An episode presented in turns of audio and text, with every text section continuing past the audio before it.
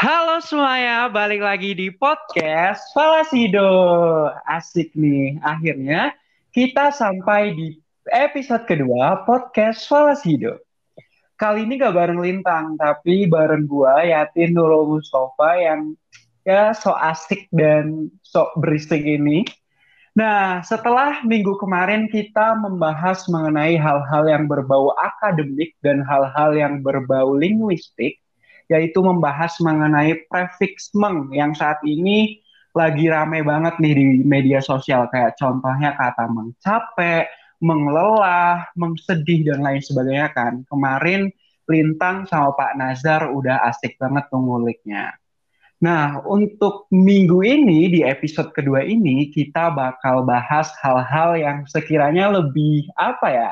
Lebih dekat dengan kita sebagai kaula muda nih guys untuk minggu ini kita bakal bahas tentang musik, musisi, dan tulisan. Tentunya kita sebagai kaula muda nggak asing lagi kan dengan hal itu.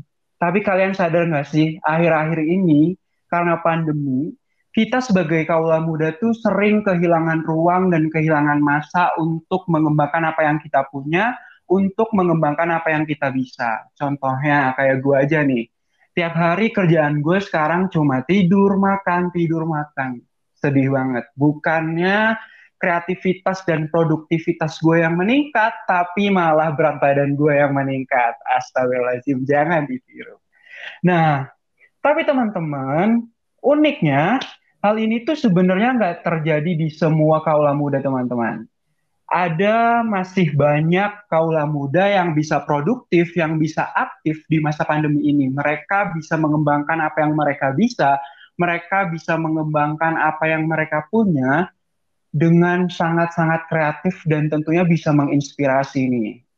Nah, salah satu medium yang bisa digunakan untuk mengembangkan apa yang mereka punya dan mencurahkan perasaan, pikiran, dan segala hal mereka itu biasanya mencurahkannya melalui musik kalau enggak melalui tulisan. Nah, oleh karena itu, pada podcast ini kita udah punya nih bintang tamu yang spesial yang pastinya bakal gue rasa bisa menginspirasi kalian semua sih sebagai kaula muda, sebagai sahabat bahasa teman-teman semua. Nah, di minggu ini kita akan menghimpun semua itu dalam satu topik podcast yaitu Gelora Kaula Muda menelisik tulisan dan musik di masa pandemi. Asik.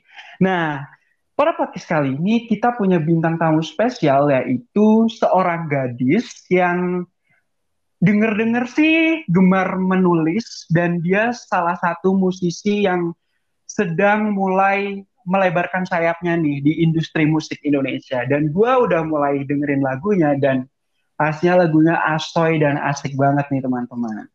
Langsung saja kita sambut Jinan Leticia. Yeay. Halo semua, aku Jinan.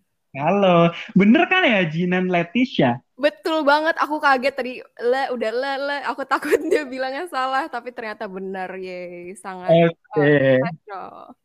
Sebenarnya nama kamu unik banget ya Jinan Jinan Letitia tapi dibacanya Jinan Leticia. Itu bisa diceritain sedikit nggak tentang sejarah nama kamu yang gue sebenarnya juga kayak jarang denger nama Jinan sih, seringnya kayak Jihan atau apa itu.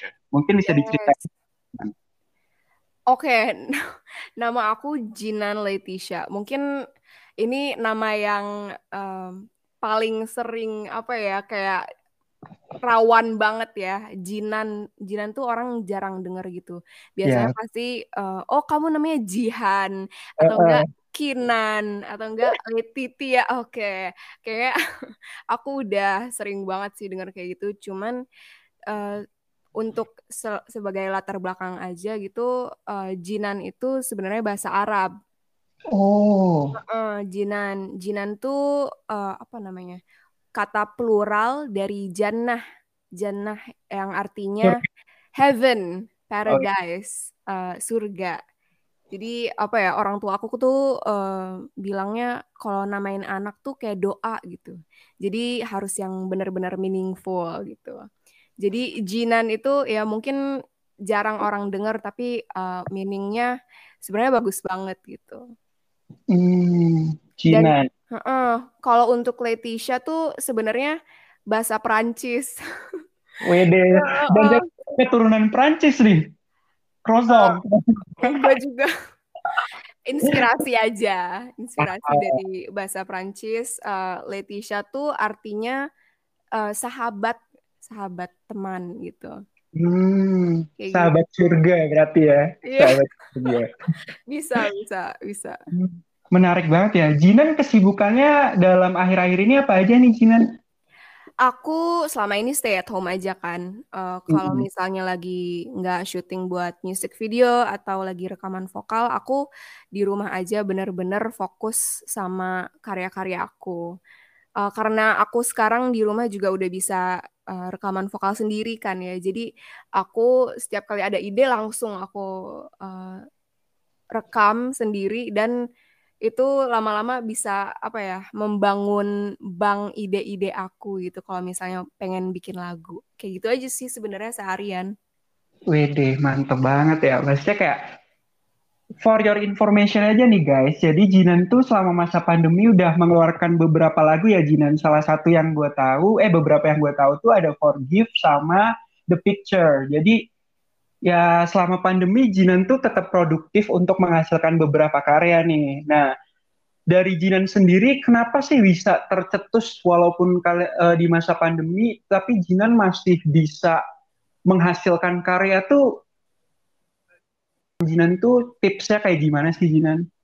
Tipsnya, oke. Okay. Aku tuh sebenarnya ini ya, aku pertama bikin karya yang bener-bener um, bener-bener aku lakuin banget gitu uh, itu pas awal pandemi. Karena sebelumnya tuh aku dari lulus SMA udah lumayan nulis lagu sebenarnya. Cuman nggak pernah yang benar-benar aku produksi dan aku post secara uh, kayak di music platform gitu. Cuman gara-gara pandemi ini aku ya apa ya kasarnya nggak ada kerjaan lain sebenarnya. Uh, aku gara-gara nggak bisa hang out with friends uh, kayak usual aku jadinya energi aku tuh terfokuskan sama satu hal gitu. Dan sebenarnya aku juga udah males banget kayak uh, social media gitu-gitu. Apa ya? Menurut aku lama-lama uh, ke otakku tuh kayak kayak numb begitu kalau misalnya terlalu banyak stimulan. Jadi aku uh, ya mungkin gara-gara aku nggak bisa hang out with friends, aku jadi ya kayak murung sendiri gitu kan. Jadi aku uh, semua energinya tuh ya meluap lah kayak aku terlalu sedih, aku terlalu uh, marah ini kenapa pandemi gitu, kayak marah sendiri ke dunia. Tapi sebenarnya kalau marah ke dunia kayak buat apa gitu kan? Betul. Ya jadi hal itu terluapkan sama musik karena itu uh, apa ya menurut aku tuh salah satu cara aku mengekspresikan emosi aku gitu karena aku sebenarnya orangnya nggak terlalu ekstrovert itu. Cuman uh, music sama art itu salah satu hal yang bisa membuat aku benar-benar mikirin gitu apa sih sebenarnya yang mengganggu aku sekarang kayak gitu. Jadi lagu-lagu tuh ku essentially kayak gitu sih uh, ekspresi aku aja.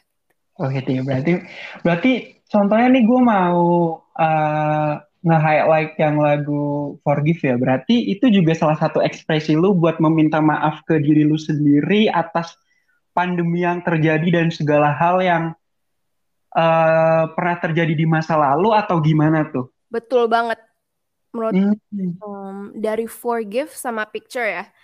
Uh, dua dari dua lagu itu tuh sebenarnya Forgive menurut aku yang paling kayak personal banget karena uh, apa ya aku di lagu itu uh, membicarakan tentang kayak how do I forgive myself gitu.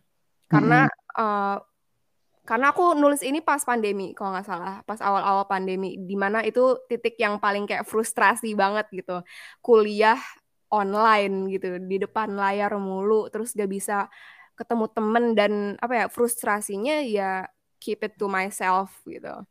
Nah dari forgive ini aku tuh kayak sebenarnya otaknya lagi acak-acakan, uh, tapi aku punya apa ya punya target gimana sih aku bisa uh, mencari tahu apa sih yang sebenarnya ngeganggu aku gitu. Oh sebenarnya yang ngeganggu aku tuh aku nggak bisa memaafkan diri aku sendiri dan aku nggak bisa uh, menerima keadaan aku sekarang gitu. Pokoknya denial mulu lah gitu. Oke. Okay. Uh, jadi di forgive ini aku uh, kayak menumpahkan pikiran-pikiran aku. How do I forgive myself kayak gitu. Hmm, bener banget nih. Gue juga ngerasain sendiri sih, maksudnya sebagai bagian dari kaula muda kayak sering menyalahkan diri sendiri atas segala kejadian yang pernah terjadi sama hidup kita kan. Jadi kita bisa tiru Jinan nih, kita harus memaafkan diri kita sendiri dan memanfaatkan energi kita terhadap hal-hal yang positif. Nah, Jinan tadi juga udah sempat disinggung ya kalau misalkan Jinan memulai uh, menulis secara serius tuh pada awal pandemi. Tetapi Jinan bisa nggak sih ceritain awal mula dari menulis seorang Jinan itu gimana dan sejak kapan? Gitu? Oke, okay. sebenarnya rada-rada ini ya cheesy karena okay. karena aku pertama nulis lagu tuh gara-gara uh, ya gara-gara aku pernah putus hati gitu, patah hati di waktu SMA gitu lah, klise banget kayaknya. Uh, tapi aku tuh dari dulu emang suka nulis puisi. Hmm. Hmm, dari SMP kalau nggak salah aku tuh suka banget nulis puisi. Aku suka baca novel, kayak novel-novel fiksi gitu sih sebenarnya. Uh, terus pas SMA gara-gara satu kejadian yang membuat aku kayak aduh gimana nih gitu kayak beneran frustrasi banget lah uh, uh, terus dari situ aku dapat uh, kayak ya essentially aku dapat topik yang uh, di mana aku bisa menceritakan perasaan aku gitu. Aku uh, rasa patah hatinya tuh kayak gimana sih? Seperti apa? Terus banyak metafora ya gitu-gitulah. Wow. sangat sangat cheesy sebenarnya. Cuman itu sebenarnya kickstarter aku dalam bikin lagu karena apa ya? Ya mungkin frustrasi itu suatu bentuk energi juga ya. ya Jadi uh, aku dari rasa itu tuh aku bisa nulis puisi yang eh, nggak uh, berhenti di situ aja. Setelah ada puisinya, aku kayak, wah ini eh, nggak uh, puas nih, gimana aku bikinin lagu aja deh gitu. Soalnya aku suka nyanyi juga, kayak gitu. Terus akhirnya jadi deh sebuah lagu namanya Live dan aku postnya waktu itu di SoundCloud pertama kali karena hmm. iseng-iseng aja sebenarnya. Gila, kayak kayak sih maksudnya kayak kayaknya tuh jiwa seni di Jinan tuh emang udah mengalir dari kecil ya maksudnya kalau gue denger ceritanya kalau misalkan dia sering mencurahkan ekspresif ya bisa dibilang ekspresifnya melalui tulisan dan karya seni yang dia ciptakan kayak contohnya tadi patah hati dia tuangin ke puisi lalu diubah dan diaransemen ke lagu dan membagikannya ke kita semua. Nah, pastinya selain um, patah hati dan beberapa kejadian yang Jinan alami, pastinya juga ada beberapa hal yang dapat menginspirasi seorang Jinan dalam berkarya, terutama di masa pandemi nih Jinan. Mm-hmm. Jinan, uh, kita kan sering terkungkung di rumah kan sejak masa pandemi, kayak nggak bisa keluar ke mana-mana, nggak bisa hang out bareng teman-teman dan lain-lain. Nah, proses mencari inspirasi bagi seorang Jinan di masa pandemi itu gimana? Oke, okay, ini interesting banget ya. Karena uh, menurutku inspirasi itu datang at the most um, momen-momen yang aneh gitu. Karena yeah. Uh, apa ya, random juga sebenarnya kalau misalnya aku bisa dapat inspirasi dari patah hati, bisa dapat inspirasi dari nonton, bisa dari baca buku, bisa juga saat ngedengerin orang lain uh, nyanyi gitu. Misalnya aku ngelihat karya orang lain terus aku jadi terinspirasi gara-gara aku melihat topik ini dari point of view yang berbeda gitu. Jadi sebenarnya hmm. inspirasi menurutku itu apa ya? Aku melihatnya sebagai sesuatu yang sangat mistis. Kayak punya punya jiwa sendiri gitu. Karena uh, ya gitu bisa aja kamu melatih gitu uh, diri kamu sendiri biar kreativitasnya tuh lancar gitu, bisa mengambil inspirasi dari apa pun. Tapi then again, uh, it could not work out gitu. Bisa aja kamu uh, ada proses yang diikuti, tapi pada akhirnya kedeng musiknya kedengeran kaku atau liriknya kayak maksa gitu.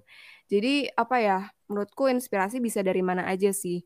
Cuman yang penting tuh uh, membuat diri sendiri open enough dan relax enough di mana kita bisa memproses semua hal yang di sekeliling kita dan mendapatkan sesuatu dari hal itu gitu. Karena sebenarnya essentially uh, apa yang kita lihat tuh sebenarnya nggak pernah berhenti kan. Cuman yang bisa kita atur tuh diri kita sendiri gitu. Kondisinya kayak gimana biar bisa meresap hal dari luar gitu sebenarnya. Asik, bener banget sih kata Jinan. Bicara tentang kamu biasa mendapat inspirasi dari mendengarkan musik seseorang ataupun membaca cerita seseorang. Nah, siapa sih salah satu inspirator terbesar kamu dalam berkarya Jinan, terutama dalam menulis lagu dan bermusik? Dalam bermusik, aku suka banget sama Halsey. Halsey, iya oh. karena dia apa ya? Uh, mungkin dia bukan pop banget ya, cuman dia tuh uh, alternatif yang apa ya? I think she's really cool soalnya lagu-lagunya tuh nggak seperti pop biasa first of all, tapi masih bisa di-enjoy sama uh, kalangan yang umum dan apa ya? kalangan yang banyak gitu, kalangan yang besar. Terus uh, kalau lirik li lyric wise dia tuh very ekspresif dan kadang-kadang ada lirik-lirik yang membuat kita kayak I can't believe you just said you just said that gitu kayak wah. Wow. Aku iya, suka yeah, yeah. hal-hal yang mengejutkan sebenarnya. Hmm. hmm, benar. That's why I like her. Menarik banget. Dan uh, kayaknya aku lihat Instagram kamu juga beberapa kali di notice itu ya kayak contoh musisi besar kayak Pam dan lain-lain itu kamu udah pernah berkolaborasi atau sebelumnya udah kenal dekat atau justru Pam dan berbagai um, musisi lainnya tuh jadi salah satu inspirator kamu gitu? Aku uh, sama sekali belum per belum pernah ketemu sama Mas Pam. Cuman aku I'm very grateful for him karena uh, dia tuh salah satu musisi yang aku look up to banget di Indonesia. And uh, dia tuh gak berhenti di liking my songs karena setelah setelah aku, lagu aku dinotis sama Pamungkas, uh, dia tuh beneran ngontak aku dan kayak asking about what uh, I'm planning for my future career gitu. Terus kayak menurutku it it's he's like a mentor to me dan itu one of the things I'm very grateful about karena uh, dia mau support uh, hal-hal uh, yang dia suka juga gitu kayak mu other musicians. I'm very grateful for him. Eh, tapi wajar sih kalau kata aku kenapa Pamungkas sampai ngenotis segitunya ya. Jujur pas pertama denger lagu kamu, yang terbesit pertama kali itu kayak wow ini orang pertama kali denger lagu Jinan aja kayak udah tahu kalau misalkan musik Jinan tuh kayak gini kayak udah punya karakteristik sendiri. Jadi kalau misalkan udah pernah denger lagunya terus suatu saat ngedengerin di tempat lain kayak di tempat asing ataupun di mana pun pasti juga kayak oh ini lagunya Jinan nih gitu loh pas pertama denger. Keren banget. Dan pastinya itu membutuhkan proses yang panjang dong untuk mencapai semua itu ya. Dan terutama di masa pandemi ini kayak semua hal sulit, semua hal um, rasanya nggak bisa dicapai, tapi Jinan bisa mendobrak semua itu. Dan pastinya Jinan juga membagi semua aktivitasnya macam-macam ya kayak tadi bermusik, menulis, dan pasti Jinan itu kuliah. Betul. Nah, tips cara membagi waktunya gimana tuh? Apalagi Jinan, eh Jinan, Jinan kan kuliah di ITB ya? Betul. Dan pasti kan kita udah tahu gimana sibuknya anak ITB tuh. Cara membagi waktunya gimana sih Jinan? Wow, itu uh, another thing yang aku anggap secara mistis ini. um, bagi waktu gimana cara bagi waktu oke okay. satu hal yang aku ingat satu hal yang menurutku paling useful adalah suatu pepatah dari ibuku hmm. uh, kata kata mama uh, kalau kamu anggap itu penting, kamu pasti nyisihin waktu untuk itu gitu. Jadi setiap kali aku berpikir, aduh males, aduh nanti aja deh, aku langsung inget kayaknya nggak deh, nggak bakal ada nanti lagi gitu. Atau enggak aku bakal kayak, oh apa ini kurang penting buat aku sampai aku nggak mau ngerjainnya sekarang gitu. Kayak apa sih reason yang valid sehingga aku nggak mau ngerjain sekarang gitu. Dan kalau aku nggak punya alasan lagi untuk itu, maka aku akan kerjain gitu sih sebenarnya prinsip aku. Um, aku jujur kalau penjadwalan kayak ngerjain tugas jam segini, ngerjain bla bla jam segini, itu aku aku tahu gak bakal dilakuin gitu sebenarnya. Uh, jadi aku prefer untuk kayak mencatat aja apa yang harus dilakukan Uh, dan kalau misalnya aku ada waktu untuk kerjainnya, aku bakal kerjain kayak gitu. Daripada aku ngeset schedule tapi akhirnya nggak dikerjain gara-gara terintimidasi sama tugas-tugas yang harus dikerjakan, yang bejibun banget. Mending aku uh, relax aja, tapi komitmen untuk menyelesaikannya. Jadi nggak mempersulit diri sendiri aja intinya. Oke, jadi kalau misalkan ditarik kesimpulan bisa juga kita ngambil kesimpulan kalau seorang Jinan tuh menerapkan skala prioritas ya di hidupnya dan betul dan mendasarkan segala sesuatu dengan alasan. Jadi kalau misalkan gue anggap penting ya gue kerjain gitu. Benar. Jadi bisa ditiru tuh teman-teman. Jadi kalau misalkan kita di masa pandemi bisa banget kita apa-apa skala prioritas dan nganggep semua hal itu penting. Jadi kita punya motivasi untuk mengerjakan. Nah, Jinan, sering kali pandemi bikin mental kita sebagai kaula muda tuh bergejolak ya. Banyak yang up and down di mentalnya. Betul. Jinan sendiri mengalami nggak dari gejolak mental tersebut? Ngalamin banget. Karena kalau kalau enggak aku nggak bakal bisa nulis kayaknya. Iya. Uh, aku inget banget sih waktu pertama pandemi karena uh, aku kuliah seni rupa. Yang pertama kali aku notice change-nya adalah yang tadinya aku harus ke studio kan uh, karena aku anak seni rupa aku of course harus melakukan kegiatan kayak gambar melukis uh, ada juga yang sculpting segala macam itu biasanya di studio. Nah karena pandemi ini semua orang kerjaannya di rumah. Uh, bayangin aja kayak gimana mengerjakan studio patung kalau di rumah. Betul. Bahannya dari mana first of all gitu. Jadi uh, semuanya harus uh, eh, self sufficient harus uh, tahu sendiri gitu kalau daerah sini ngambilnya dari mana gitu. Itu yang pertama yang teknis. Kedua of course uh, apa ya dari tugas-tugas dan jadwal yang padat gitu kalau misalnya ada teman itu mungkin lebih apa ya lebih lancar gitu. Kita bisa ada relatableness gitu. Oh ada juga orang yang kerjaannya sama kayak gue dan jadwalnya tuh sepadat gue dan uh, bisa saling comforting each other. Kalau hmm. di pandemi tuh pertama kali yang aku rasain tuh um, banget gila. Karena ya you can't relate uh, school work with your parents kan kayak yeah. gimana gitu. Jadi itu sih pasti bergejolaknya pertama dari itu kayak kebutuhan emosional yang gak terpenuhi gitu yang mungkin dari orang tua atau keluarga tuh gak bisa dipenuhi kayak gitu sih. Oke, jadi dari gejolak mental itu kan tadi Jinan bilang mana mungkin kalau misalkan gak ada uh, gejolak mental gue bisa nulis gitu kan. Jadi hmm. seberapa besar sih peran musik dan menulis dalam hidup Jinan di masa pandemi ini? Besar banget, honestly. Uh, ada waktu di mana uh, aku tuh mikir kayak I wouldn't be alive if it wasn't for music gitu loh. Karena uh, ya mungkin gara-gara background aku seni rupa juga ya.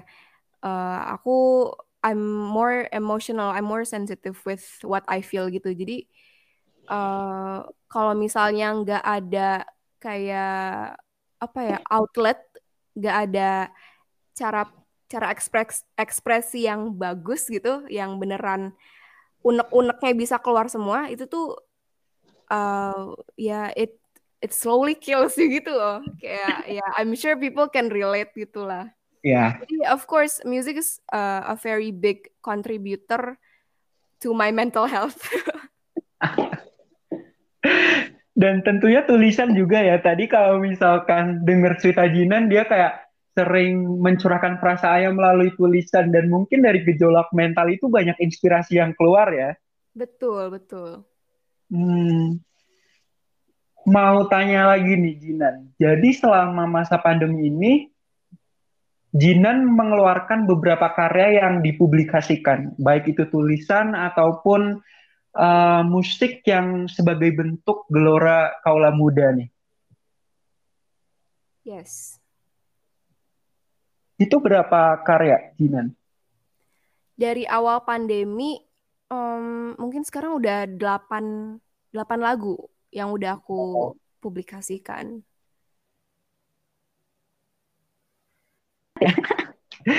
Dan beberapa beberapa lagunya masuk itu ya playlist di Spotify ya? Betul, betul. Hmm, mungkin bisa dikasih tahu nih Jinan untuk teman-teman yang pengen dengerin lagu Jinan bisa gimana tuh caranya? Oh, kalau mau lihat musik aku uh, bisa dilihat di Spotify, di Apple Music, di YouTube Music, dan platform-platform uh, musik favorit kalian. Dan bisa juga dilihat musik videonya di YouTube channel aku, namanya Jinan Letitia. Oke, okay. tulisannya Letitia ya teman-teman.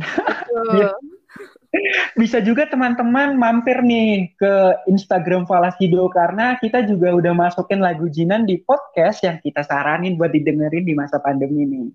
Nama um, apa playlistnya adalah Pandemic Babies. Jadi karena Forgive ini di bisa dikatakan dalam tanda kutip dilahirkan seorang jinan pada masa pandemi jadi kita masukin tuh. Dan lagunya banyak yang mengapresiasi sih katanya ini asoy banget gitu jinan.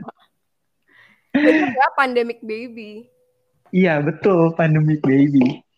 Mungkin untuk uh, inspirasi dan memotivasi teman-teman Jinan bisa nggak tuh nyanyiin beberapa part lagu Forgive biar kita bisa memaafkan diri kita sendiri atas segala kesalahan dan hal-hal yang pernah kita lakuin. Boleh banget. Ini uh, yang aku yang akan aku nyanyiin nih uh, one of my favorite parts of the song Forgive.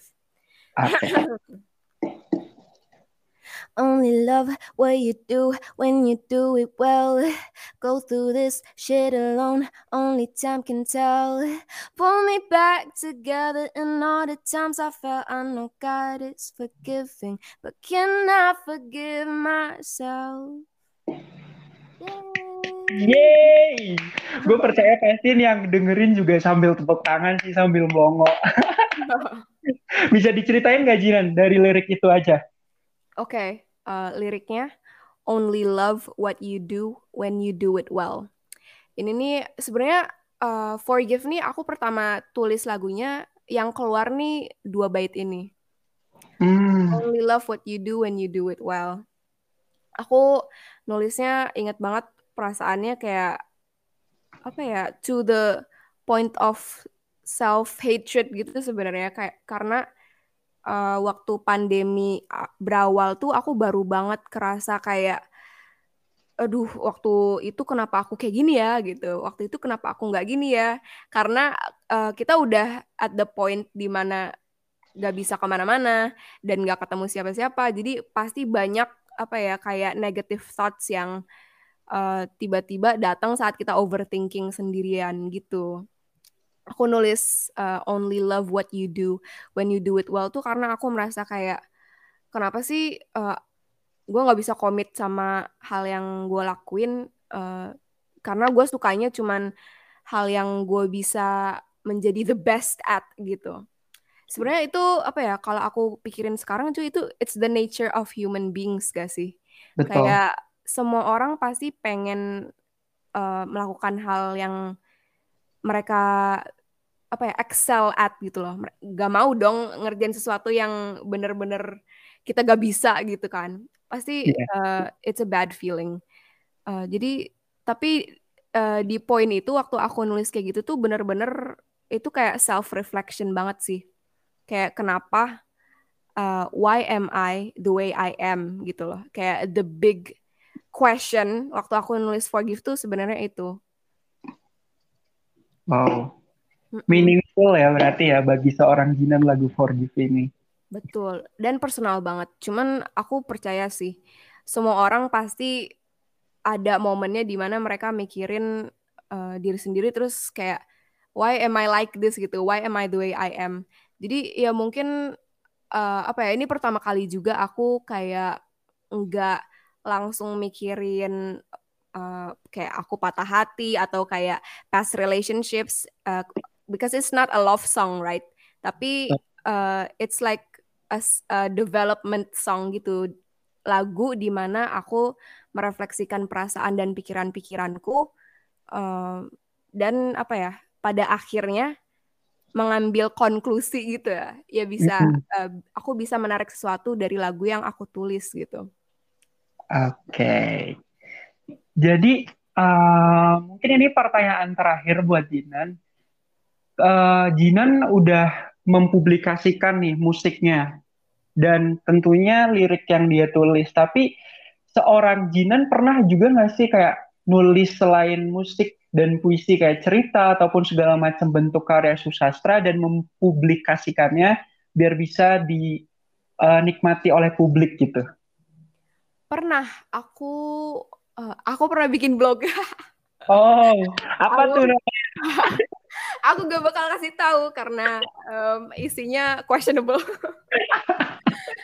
Tapi aku aku suka banget. Aku dulu uh, suka nulis short stories. Aku suka uh, suka cerita pendek dan puisi-puisi, both in English dan bahasa Indonesia. Hmm. Apakah dari semua itu emang latar belakang keluarga kamu suka baca, suka nulis, atau justru ada sastrawan atau gimana tuh? Di keluarga aku banyak musisi dan sastrawan sih, bener. Uh, kakek aku dosen dan salah satu uh, kakek aku yang satu yang dari ibuku itu dosen dan kakekku yang dari ayahku sastrawan. Oh, jadi wajar aja guys kalau misalkan jiwa sastra dan dalam diri seorang Jinan tuh kental banget, asik. Ya. Jadi dari obrolan gue sama Jinan bisa ditarik kesimpulan nih kalau misalkan Jinan sebagai representasi kaula muda menggelorakan semangat, pikiran dan perasaannya melalui medium tulisan dan musik itu bisa di masa pandemi gitu guys. Jadi dia mencari inspirasi dari apa yang dia rasakan, dari apa yang dia lihat, dari apa yang dia dengar dan dia menyajikannya melalui sebuah medium berbentuk musik terutama guys. Jadi kita sebagai kaula muda bisa banget tuh tiru jinan. Kita juga harus memaafkan segala hal yang pernah kita lakukan, segala hal yang pernah kita perbuat pada diri kita sendiri tentunya guys. Karena saat ini mencintai diri sendiri itu penting banget, bener nggak Jinan? Betul banget. Oke, terakhir nih Jinan, kasih dong beberapa patah kata yang ini tuh jadi pegangan kamu saat berkarya? Hmm. Yang jadi moto kamu gitu. Ada nggak tuh?